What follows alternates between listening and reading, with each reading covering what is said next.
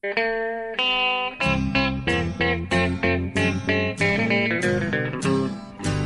out there, we're on the air. It's hockey night tonight.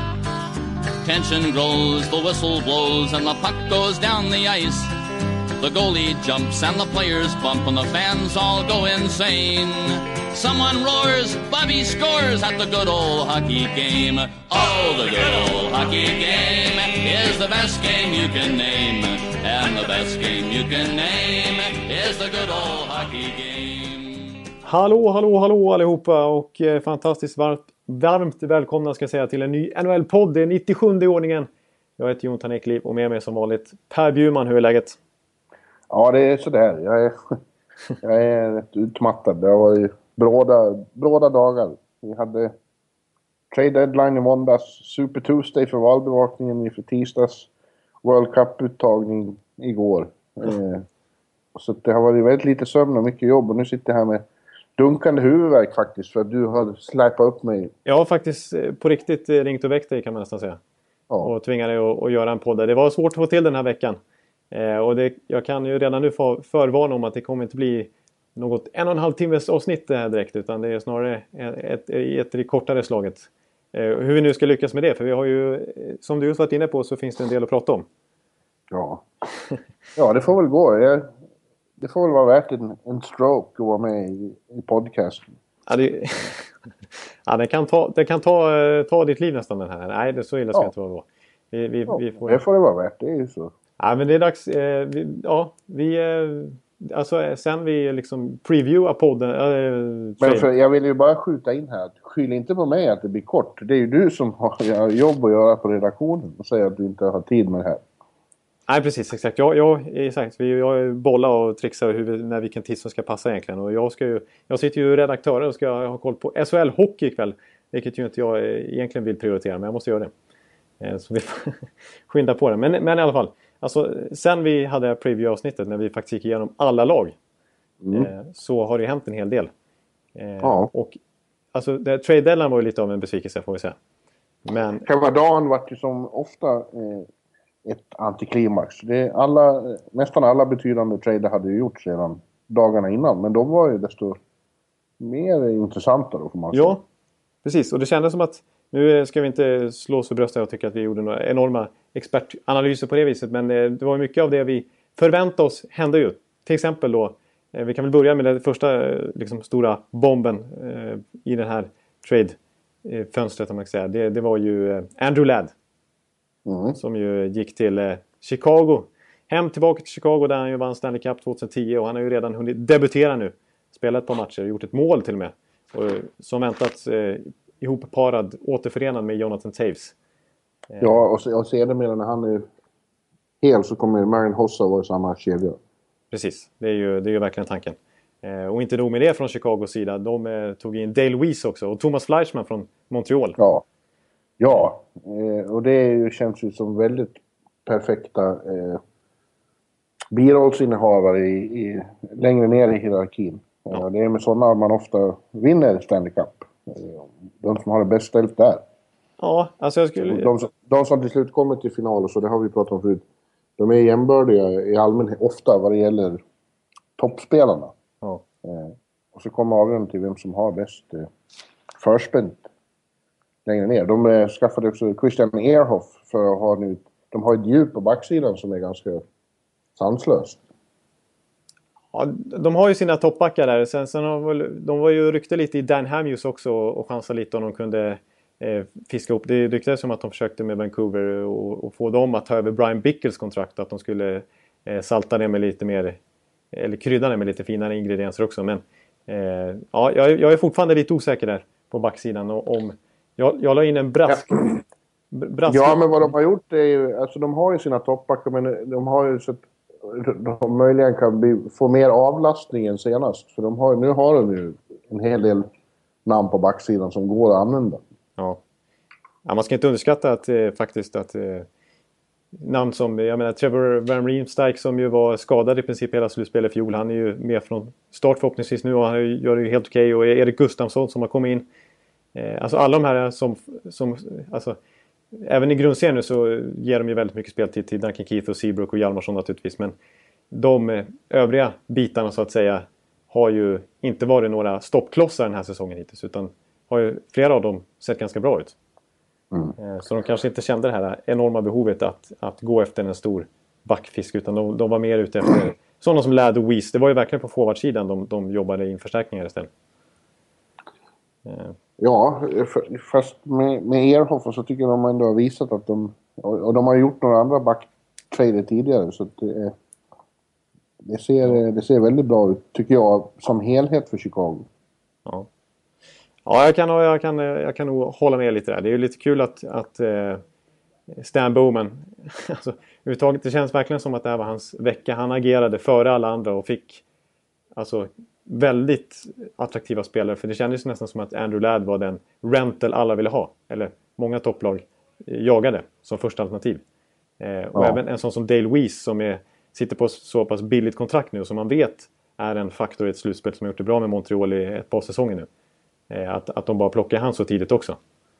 Eh, tyckte jag var starkt. Och han gjorde det ju, han kanske hade lite förspänt där i och med att både Kevin Chevin Day, Dayoff, eh, general manager i Winnipeg och eh, Mark Bergevin har ju varit assisterande general manager åt honom i Chicago. Ja, just det. Så han kanske hade lite extra hjälp av sina, sitt kontaktnät Ja. ja, Chicago ja. ser bra ut i alla fall. Chicago kommer att vara laget att slå i, i väst. Men jag tycker också att Anaheim ser bra ut och de de är ju löjligt bra nu. De tog nionde raka segern eh, i natten innan vi spelade in det här och gick upp i jämsides med Kings i toppen av Pacific.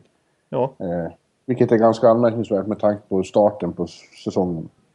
Ja, det är faktiskt ganska bisarrt. Alltså, vi har ju varit inne på det några veckor nu att Anaheim ser bra ut men de bara fortsätter bara öser på. Nionde raka seger nu är ju rätt, rätt starkt och jag tycker jag är imponerad av, av eh, Bob Murrays eh, lilla dagar här fram till deadline också.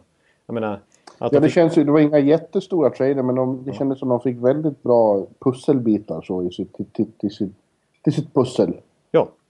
Eh, och att de... Som, är, ja. Tänk att de fick en sån som, som eh, Pirri så billigt. Ja men precis, alltså, ett sjätte val. Det pirrade till när de gjorde det. ja, faktiskt. Nej men det är ju jag är ju inte helt besviken som Tampa-supporter heller eftersom att eh, Brandon Pira har sänkt oss i ett antal straffläggningar eh, redan. Han är ju en straffskyttexpert av någon konstig anledning. Jag har inte riktigt förstått varför så vill ju, var ju Florida väldigt keen på att de skulle släppa honom.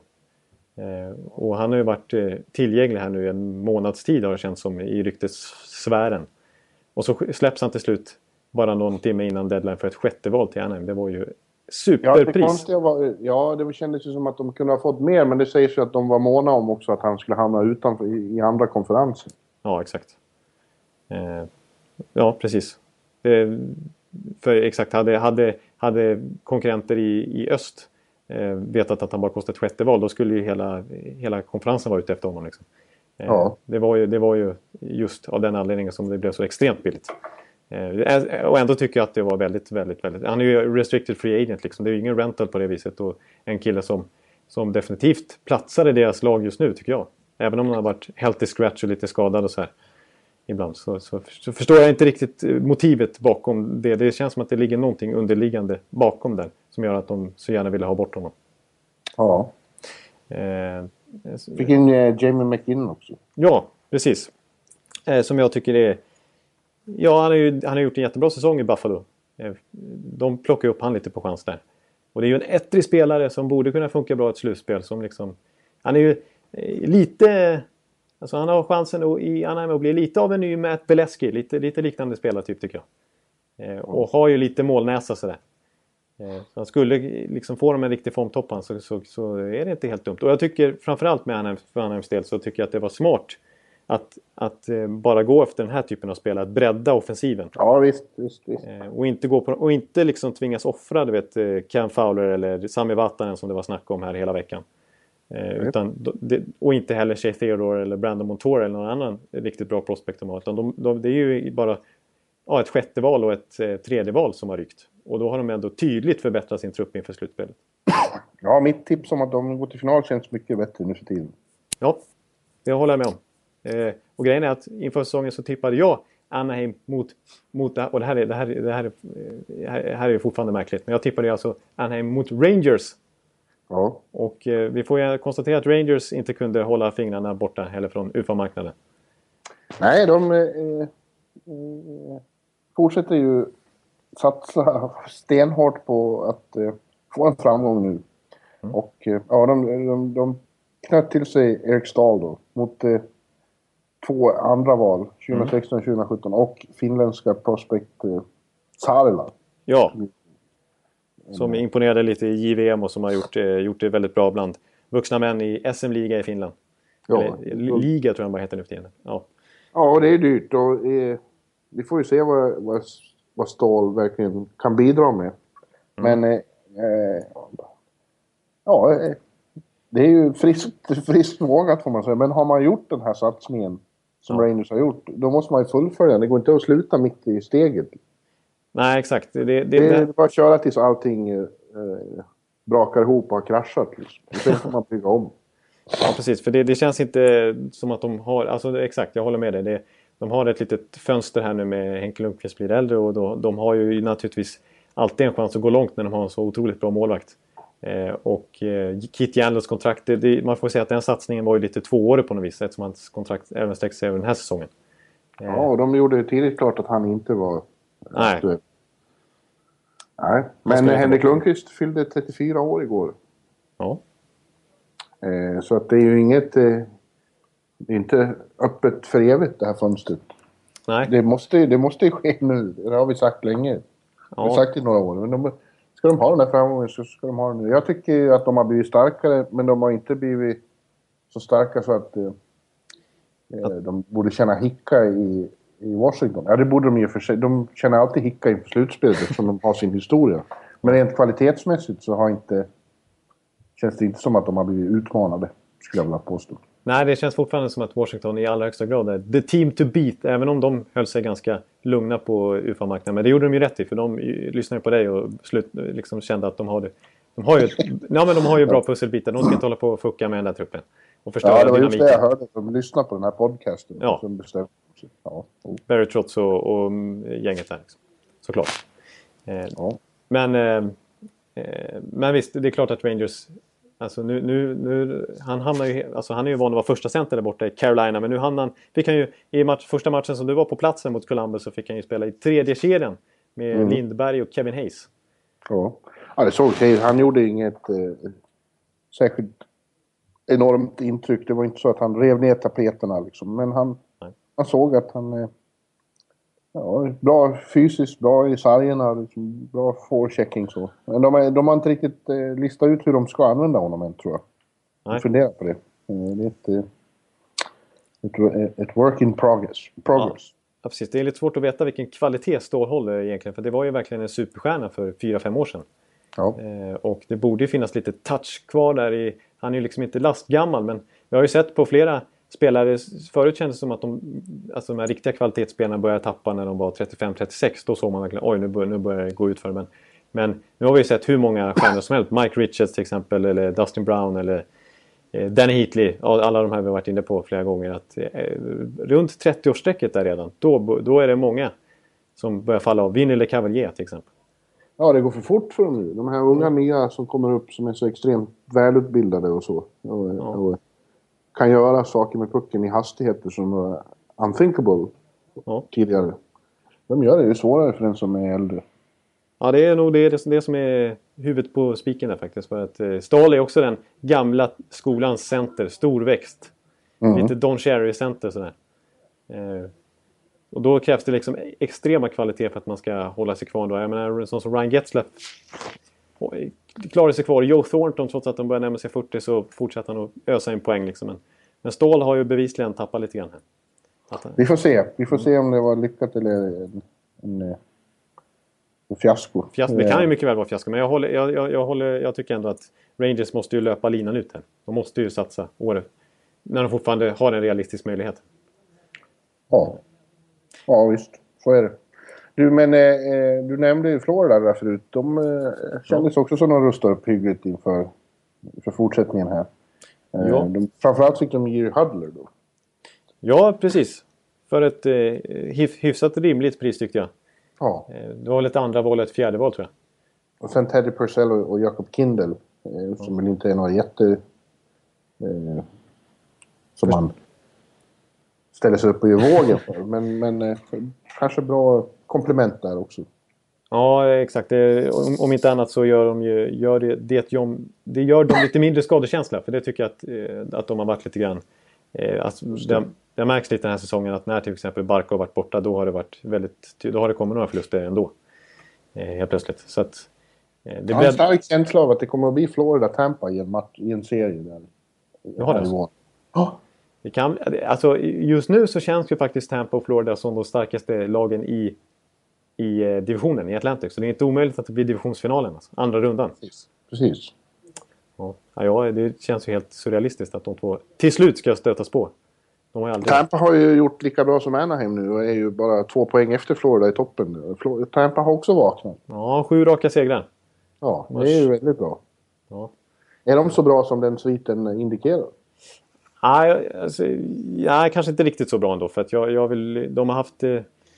Eh, dels så tycker jag att de... Det här har man ju svårt att se som supporter när man alltid tycker att det är motstuds i varenda match. Men jag, måste, jag får erkänna att de har haft lite flyt. Eh, och eh, plus att de kanske haft lite lättare schema i vissa matcher. Eh, som, som jag tycker... Jag menar, den matchen mot Toronto, när William Nylander fick debutera så tyckte jag Eh, Nylander, alltså, hans kedja lyckades ju pressa tillbaka tri triplet-kedjan i flera byten. Och, och, Toronto borde nästan ha vunnit den där matchen om man ser, ser till spelövertaget faktiskt. Så att, men eh, ja, men eh, Florida jämt, det, det, det, tycker jag i alla fall är, är, är kul att, de, att Dale Talon verkligen satsar och visar att, att Florida är på allvar. Och det, det är dels som signal till sina egna spelare och dels som signal till alla konkurrenter. Absolut. Eh, och det, det, det, stämmer ju lite överens, som, som kändes lite utopiskt. Men han, när han kom dit 2010 efter att ha rattat Chicago så sa han att då var, var, var väl hans plan att inom fem år ska Florida Panthers minsann vinna Stanley Cup. Och nu har, ja. det, nu har det gått fem och ett halvt år sedan han tillträdde men man får ju säga att det, han börjar få till någonting där, där nere i alla fall. Verkligen. Mm. Verkligen. Du, en annan, eh, om vi ska gå vidare, var ju på själva deadline i måndags då. Mm. Den största traden var väl att Dallas tog backen Chris Russell från Calgary. Mm. Skickade Jyrki Jukkopakka till eh, Calgary. Ja. Det var många som var förvånade över det. Jag tycker att Chris Russell inte har varit så bra och inte ser så bra ut. Men jag har en känsla av att Jim Nill där ser något som inte andra ser och förstår att han kommer passa in bra i pusslet. Ibland är det ju faktiskt så att hur oerhört det än låter i öronen på fans som vet allting för att de har tittat på, på stats. Så är det så att de som jobbar med hockey kanske vet lite mer och förstår lite mer. eh, och ser saker som inte fansen ser. Ja, alltså det måste ju ändå finnas eh, någon slags anledning till att eh, Chris Russell har fått det, det renommé han har i ligan just nu. Eh, på statistiken så har han ju extremt mycket skott teckningar framförallt. Det är ju den steppen han fått och att han är en warrior och att han verkligen kastar sig framförallt och att han är en kämpe utöver det vanliga. Ja. Eh, och samtidigt så menar ju statsanalytiker på att han har ju bedrövliga possession-siffror och, eh, och att han är, anledningen till att han täcker skott så mycket det är för att han inte kan få ut pucken i zon så han måste kan, ungefär lite så. Men eh, visst, alltså, jag, jag håller med och en sån som, jag menar flera tunga experter, eller Friedman har ju varit inne på det också. Alltså, just det här med att Jim Nill har man ju stor respekt för också. Och att han ja. gör så här, en sån här pass ordentlig eh, ut, skicka, får ihop ett så här pass stort utbyte för att verkligen vara så mån om att knyta till sig Chris Russell. Det säger ju någonting om Chris Russell också. Och, ja, det tror jag också. För man har väldigt stor respekt för Jim Nill. Ja, och han har sällan, sällan ute och cyklar i trades. Det måste man verkligen igen. Mm. Eh, så att jag, jag, kan, jag kan... Men som sagt, det... Och, och, han kommer rimligen inte att tillbringa lika mycket tid i egen zon med Dallas. Precis. Det är ju ganska stor skillnad i kvalitet på de här lagen och hur deras matchbilder ser ut. Det är ju verkligen stor skillnad. Eh, så det blir intressant att se faktiskt hur Russell... Eh, alltså, hur, hur, ja, alltså vilken spelar, hur hans, hans spelartyp funkar i det här systemet. Alltså det, om det blir ännu bättre eller om det blir... Eller om man blir avslöjad på något vis eller hur det kommer att se ut. Eh, ja. Tyvärr så har ju... För Patrik Nemes del har det inneburit att han återigen får sitta på läktaren nu. Ja, det är tråkigt. Eh, Patriks del. Bra ja. kille. Ja. Eh, Men det ska bli... Mm, där, de skickade ju ett andra val också. Vilket ju, alltså utbytet var ju Jocke Packard var en prospect som heter Brett Pollock, Pollock som de säkert har god koll på i Calgary där eftersom att han spelar i VHL och i Alberta i närheten. Och eh, också ett andra val som blir ett första val om Dallas skulle gå till konferens, konferensfinal. Eh, och det skulle så, gör de det så skulle det i så fall inneburit att de slår ut St. Louis, Dal, eh, Chicago eller något sånt där fram till konferensfinal. Och då får man ju säga att då har förmodligen Chris Russell varit en väldigt bra förstärkning. Så då kan de nog tänka sig att offra det där första valet ändå. Så jag tycker, ja det är svårt att bedöma just nu. Det kändes som ett väldigt steep price men eh, vi litar på Jim Nill. Ja. Tycker jag. Eh, ska, ska, man, ska man säga någonting om... Eh, ja, vi borde ta upp eh, Boston också. Lou Eriksson. Och, och, ja, just det. Ja, Louis vart till slut eh, kvar i, i Boston. Mm. Eh, Bruins hörde sig tydligen för in i det sista eh, vad, folk, vad andra lag var, var villiga att erbjuda och de tyckte inte att de fick eh, tillräckligt mycket för dem. Jag träffade en, en eh, journalist jag känner från Boston som var i, i, här i New York igår för att lyssna på eh, ah, okay. Kat Grönborgs presskonferens. Eh, och han sa det, de hade verkligen försökt men de tyckte inte att de fick tillräckligt mycket utbyte. Men Nej. han kommer inte att spela i Boston nästa år. Tydligen är det så att Cam Neely inte gillar honom som spelare, alltså inte som person. Är det sant?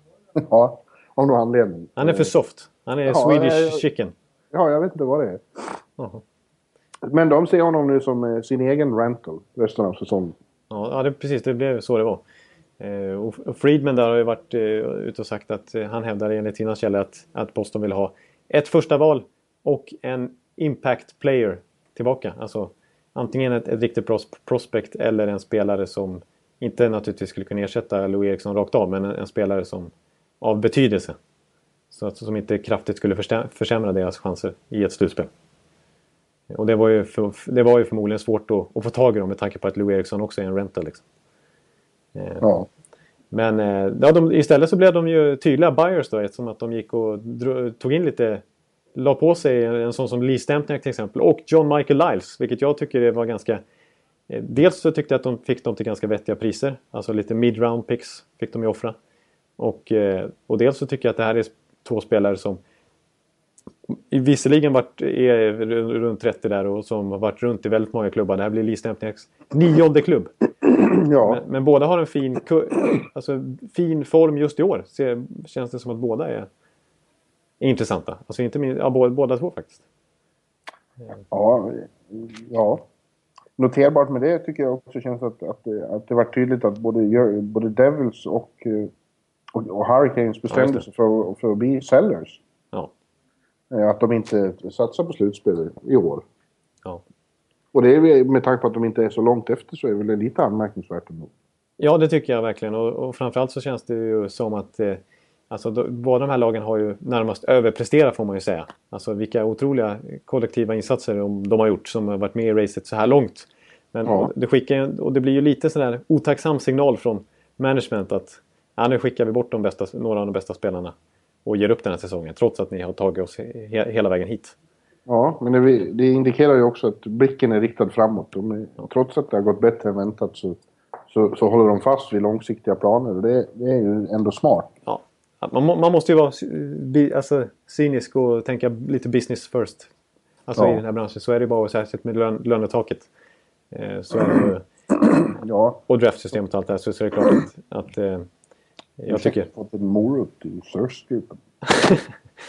ja, men eh, så tycker jag att det är, det, det är ju helt rätt. Och skulle de mot förmodan ta sig till slutspel något av de här lagen så har de förmodligen inte mer än en runda i sig ändå. Mm. Så att, det, det, de är ju inga contenders på något vis. Utan det vore ju en bragd överhuvudtaget att ta sig till slutspel. Så jag, jag, jag, tycker det är bättre att tänka framåt. För båda de här lagen har, framförallt Carolina, har ju väldigt intressanta, intressant framtid. Ja. Så är det ju. Så är det absolut. Eh, ett lag som däremot inte har gett upp, som satsar, satsade en del får man säga ändå, är Colorado. Ja, det, de är, var faktiskt... Det, jag blev lite, inte förvånad ska jag säga, för att eh, till slut så kom, kom det en, en lite större trade på deadline-dagen som vi satt och väntade ända fram till klockan sju eh, svensk tid i alla fall. Med, med Mikael Bödker och, och Colorado är ju, har ju varit så otro, otroligt pålitliga på deadline day. De har en svit på 13 raka deadline days så att de har gjort minst en trade. Ja. Så att det var ju klart att de skulle, Joe Sakic skulle vara framme. Och jag tyckte de gjorde, att de gjorde en ganska bra trade med, med Böttger ändå faktiskt. Den kvicke dansken. Mm. eh, Arizona. Mot eh, eh, Alex Tangway. Ja, det var lite, exakt, det var lite oväntat utbyte där. Alex Tangay och så var det två prospects. Det var, Tangay. Det är så man säger. Jag kan, nej, idag är det jag som inte kan ja, jag, jag reagerar på det lite grann. Ja. ja. Ja, jag med. Men jag har ju ont. Jag är, jag är glad att jag kan uttala mitt eget namn just nu. Ja, exakt. Du är eh, i allra högsta grad nyvaken här. Någon slags eh, intressant... Eh, Trött ont i huvudet. ja, men... Eh, eh, och så var det två prospects där. Den, lite intressant faktiskt med den ena där. Eh, Connor Blickley hette han va? Som spelar VHL och eh, som är skadad just nu och som var ett första val så sent som 2014 för Colorado. Eh, men som de meddelat att de inte kommer att signa i sommar. Eh, utan att de bara kommer släppa honom. Och gör man det eh, så får man, om man, om man inte signar ett första val då får man automatiskt ett andra val i draften.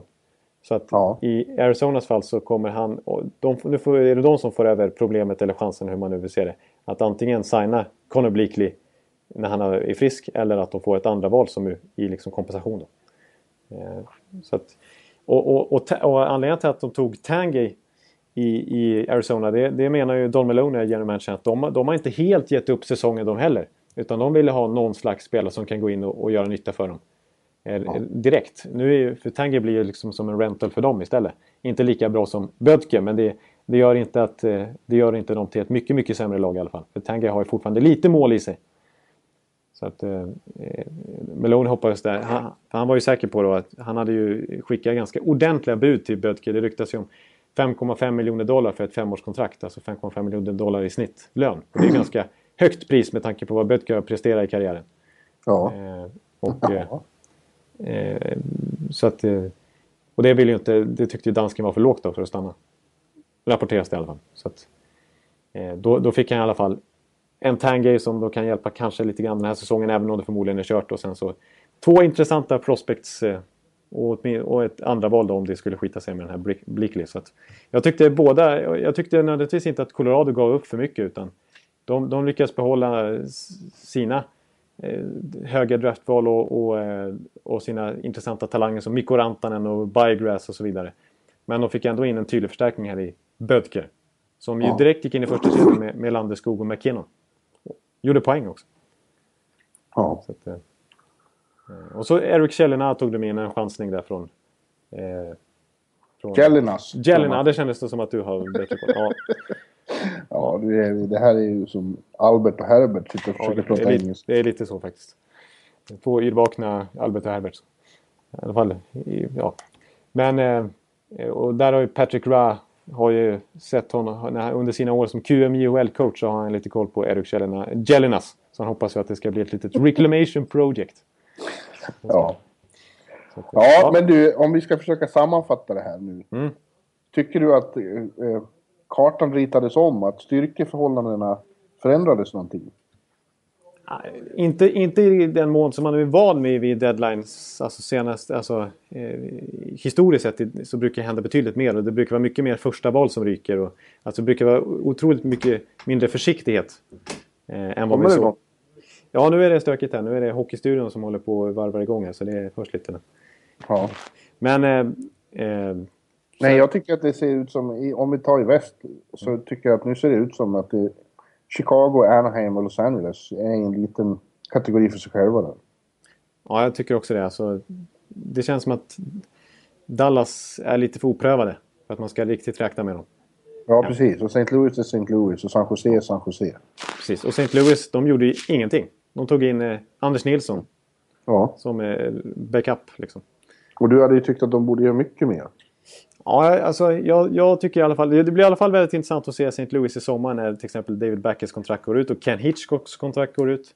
Eh, hur de verkligen ska ta sig an den här framtiden. För det, det måste hända någonting ordentligt där för att, för att de ska ta nästa kliv och, och kunna utmana i Central Division på allvar. För nu, nu står de bara och stampar tycker jag.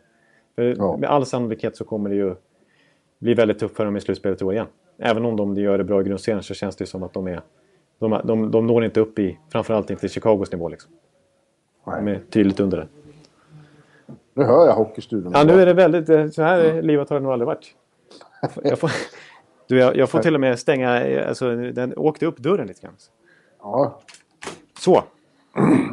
Men i öst då, ja. Jag tycker inte...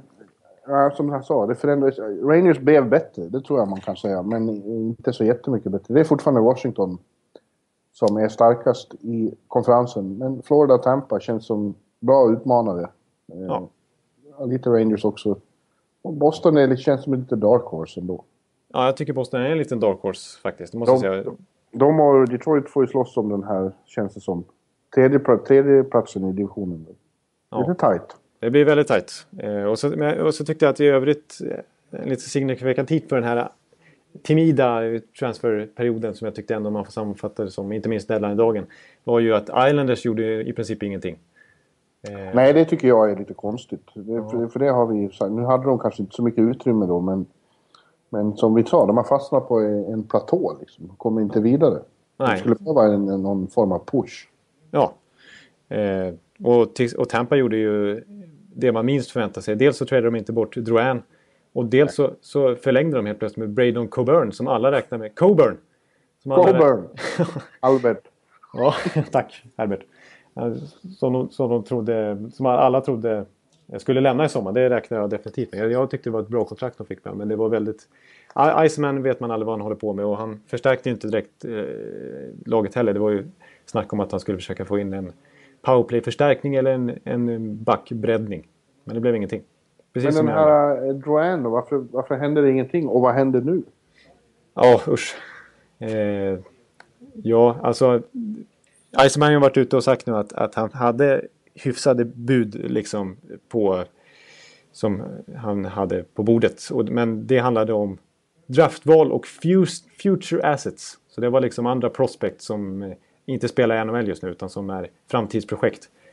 Och det, det tyckte inte han eh, var värt, värt det. Utan i så fall, ska det bli den typen av utbyte för Duran, då vill han göra det i sommar i samband med draften. När han har bättre koll på lönetaket och löneutrymmet. För att lönetaket tas ju bort lite grann på sommaren. Då gör det inte så mycket man ligger lite över så länge man hinner justera det till säsongen börjar. Medan nu är det ju stenhårt mitt under säsongen. Eh, och han har ju Stamkos och Kutjerov och Killorn och sånt där att ta hand om i sommar. Och då kände han på något sätt att med de bud han hade just nu, som visserligen var, verkar som att vissa var rätt bra. Så, så vill han se vad han kan få i sommar istället. Och det tycker jag är lite konstigt med tanke på att Drouins värde kommer ju sjunka ännu mer nu när han inte spelar någonting. Nej, det är ju så, han gör inget. Han sitter hemma, eller hur? Ja, han sitter ju i princip... Ja, han kommer från Montreal. och Som, alltså är, han sitter ju typ på pojkrummet liksom. Det är ju en bortkastad säsong. En, en väldigt viktig säsong. Det är tragiskt ju. Ja. Ja, jag tycker det känns som att både Tampa och framförallt Drouin, alltså båda två är stora förlorare på, Ja. på det som händer. Lose-lose situation. Ja, verkligen en lose-lose situation. Ingen är nöjd med, med den här situationen. Eh, och, ja. och jag, jag som sagt, jag ser det som att, att, att det blir stökigt i sommar också. För Durans värde som sagt, det har inte stärkts på något sätt. Så att, ja, mycket märkligt. Ja, A lot can happen in three years, like a chatbot may be your new best friend. But what won't change? Needing health insurance. United Healthcare Tri Term Medical Plans, underwritten by Golden Rule Insurance Company, offer flexible, budget friendly coverage that lasts nearly three years in some states. Learn more at uh1.com. tråkigt. Men Ja. eh, ska vi eh, helt enkelt... Ja, det, var, ju- det var ju veckans ena eh, stora händelse då. Ja. Nästa var igår när de tog ut eh, eh, grundbultarna i, i World Cup-trupperna. Ja, Inklusive den svenska då. Vi hade, och, och Sverige hade av for, fortfarande rätt oklara skäl eh, gjorde det här i, i New York, i, eller utanför, i, i Tarrytown. ja. I, på Rangers träningsanläggning. Och det var dumt för jag åkte dit och så glömde jag min vinterrock där. Min fina vinterrock vart kvar. Det var oerhört synd. Ja, bedrövligt. Jag får se till att Henke tar med sig den till garden någon dag. Ja, det det är bra. Nej, det kommer jag inte göra. Jag får åka ut dit och hämta den. Usch. Ja, ja, men nu var inte det som var det viktiga. Utan att eh, de presenterade svenska truppen och eh, den var väl i den här... Eh, ja, jag skulle säga väldigt väntad. Nästan alla namn var helt väntade. Det enda oväntade var Jakob Markström som... Eh, andra Morris. Men för mig så känns det som att det är hugget som stucket vem de använder där. Det är kul för Jakob. Ja, precis. Man, man blev ju inte jättechockad som att eh, Radiosporten lyckats läcka just den här truppen som det blev i måndags. Liksom. Ja, men det var väl också... För, ja, jag, jag hävdar att det var självklara namn. Ja. ja, det är många som... Eller det självklart är det väl inte, men... Ut, utgick från att det var så de... Att, de, att det var de namn de tänkte ta ut. Ja. Ja, forwards... man hade fått känslan av. Forwards finns det ingenting att diskutera. Sen är det ju den där diskussionen om Klingberg och... Som inte kom med och Kronwall som kom med. Mm. Eh, och jag, ja, jag, förstår, jag förstår absolut eh, upprördheten över att de eh, inte tar med trean i backarnas poängliga. Eh, då, har man, då har man det bra ställt. Om man, tycker, om man tycker sig ha råd med det. Och jag är ett stort Burger-fan, så jag tycker det är konstigt. Å andra sidan förstår jag argumentet för att ta med Kronwall också. Jag, och, och tycker det kan vara lite tråkigt om hur respektlöst människor uttrycker sig om honom. Ja. Ja, jag håller, jag håller med. Alltså precis, jag, jag är inte överraskad över någonting här egentligen. Och, och Kronwall så som lagledningen och Tre Kronor-staben i största allmänhet har uttryckt sig kring honom. Att han är liksom ovärderlig rutin och att han är en sån spelare som alla ser upp till och han är en, eh, den kanske ja. största ledaren vi har i, i NHL av svenska ja. spelare. Ja. Eh, så, är, så, är, så förstår man att han kommer med till slut ändå. Och det är klart att att det här med John Klingberg alltså. Men, men det är ju det här med hur man ska bygga en backuppsättning. För det är nödvändigtvis inte så att Klingberg kommer vara en optim, optimal som i tredje backpar och spela 16-17 minuter per match när vi redan har två andra, två andra minst, minst två andra powerplaybackar som håller extrem nivå. Inte minst Erik Karlsson. Det känns som att Erik och Oliver, om det nu är första backparet, kommer att spela extremt mycket och det ska de ju göra också. Ja, för då får de ut max liksom. Ja, och sen är det Strålman och Hedman efter. Ja, som sagt.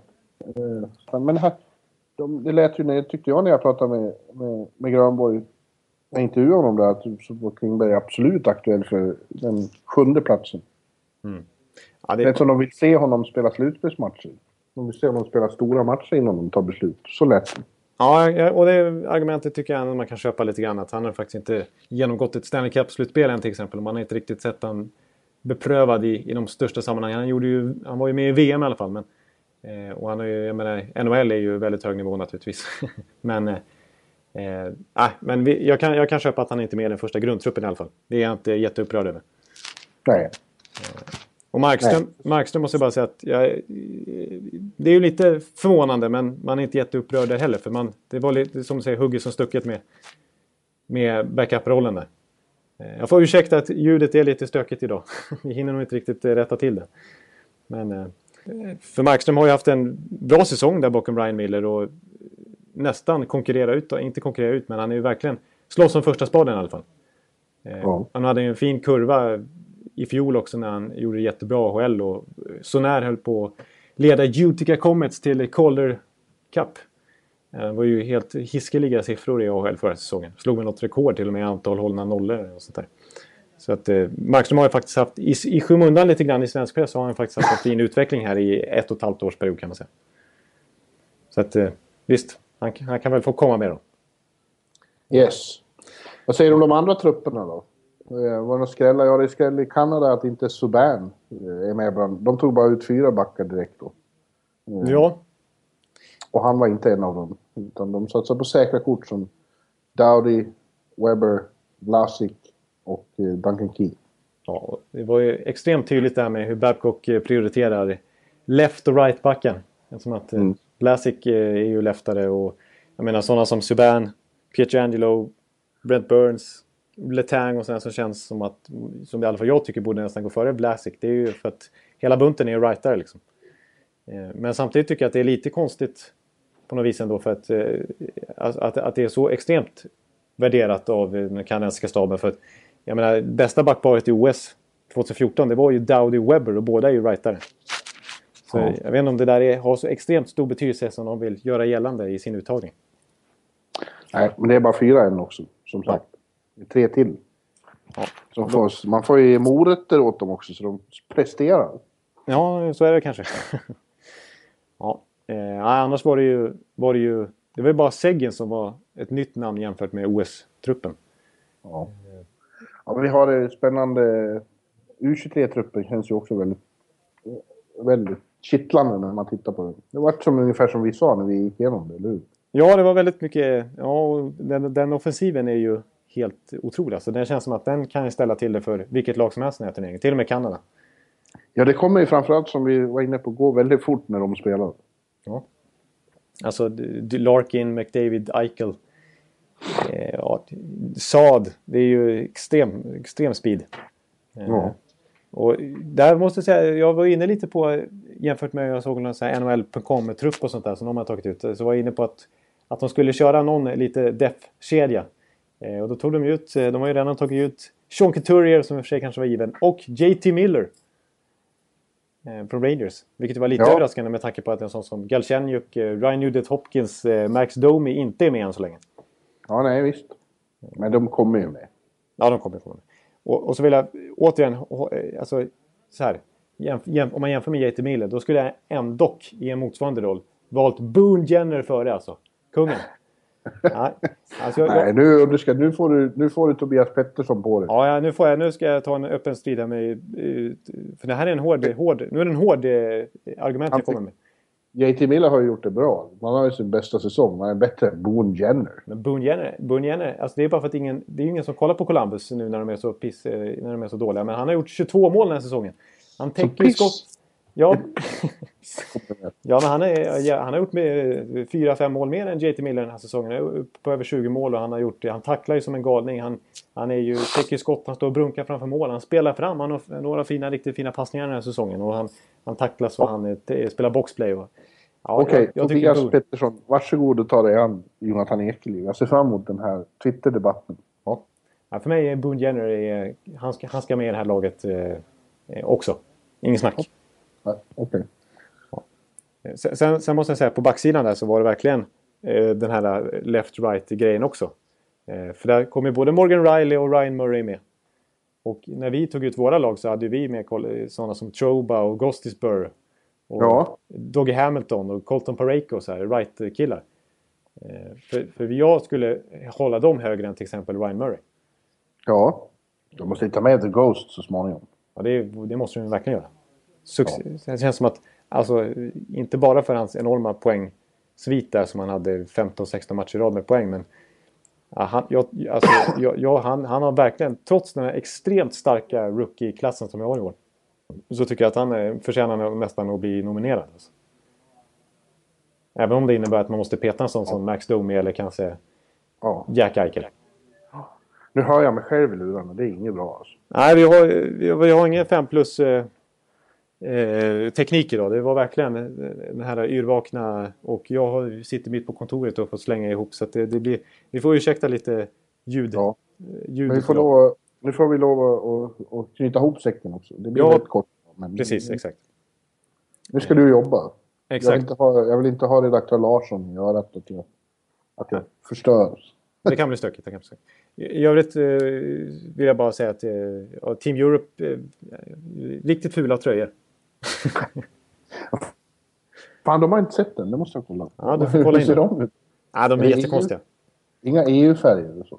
Nej, det är, det är i alla fall mörkblått men så är det någon helt väldigt obskyr logotyp som jag inte riktigt har förstått mig på än. Som varken är snygg eller logisk tycker jag. Eh, men oh ja. Team North America i alla fall är eh, en, en eh, stilren jag tror jag. Ja. Det tror jag. Själva loggan för World Cup var ju jävligt konstig också. Ja, Det är någon slags... Eh, de har knutit ihop något. Eh, jag förstår inte vad det är för något. Det var. Ja, det känns som att den grafiska profilen för den här turneringen är inte eh, 5 plus alltså. Det, det kan vi inte göra. Eh, ja, det är lite som eh, vår teknik idag. Kan man säga. Ja. Men, men eh, jag är lite förvånad också att Thomas Wanne kom med i den där truppen. Men, ja, vi kanske inte ska gå in på allting. Eh, vi får nöja Nej. oss här. Vi får nöja oss där, men du måste åtminstone säga nummer 97.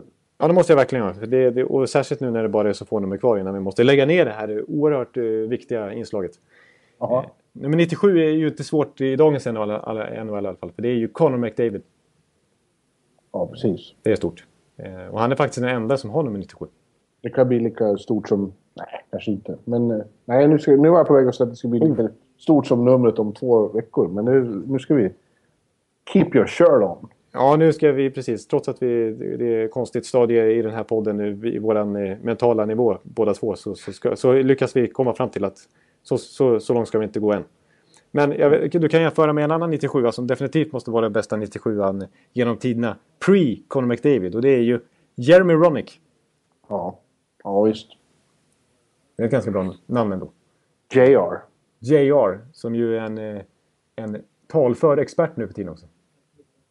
Som dyker upp lite. Och det har varit rykten om att han har velat vara med och, och starta upp ett lag i Seattle.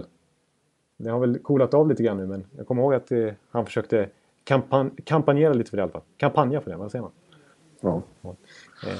ja men du Ekeliv, spring iväg och gör dina SHL-matcher nu så ska jag försöka bota min, min huvudvärk. Ja, precis. jag, jag önskar krya på dig att du får lycka till med fortsätta valbevakningen. Ja, och tack så mycket. Ja, jag tackar ju dig naturligtvis för att, eh, för att du ställde upp här. Vi, fick, alltså, vi, vi ber om ursäkt lite, det blev en hastig podd här. Vi fick verkligen, eh, tekniken har inte varit med oss och det är stressigt och det står och bankas på, på, på dörren här nu att jag måste komma ut. Men vi fick i alla fall upp en podd. Och så ja. ses vi kanske lite mer samlad form eh, nästa vecka. Det gör vi. Ja. Ha det så bra allihopa. Hej hej. Hej. Take it away. Take it away. And everybody at home, please remove your hats. Stand up, stand up, stand up, stand up. And everybody at home, please remove your hats. Stand up, stand up, stand up, stand up. Oh, Canada. Oh,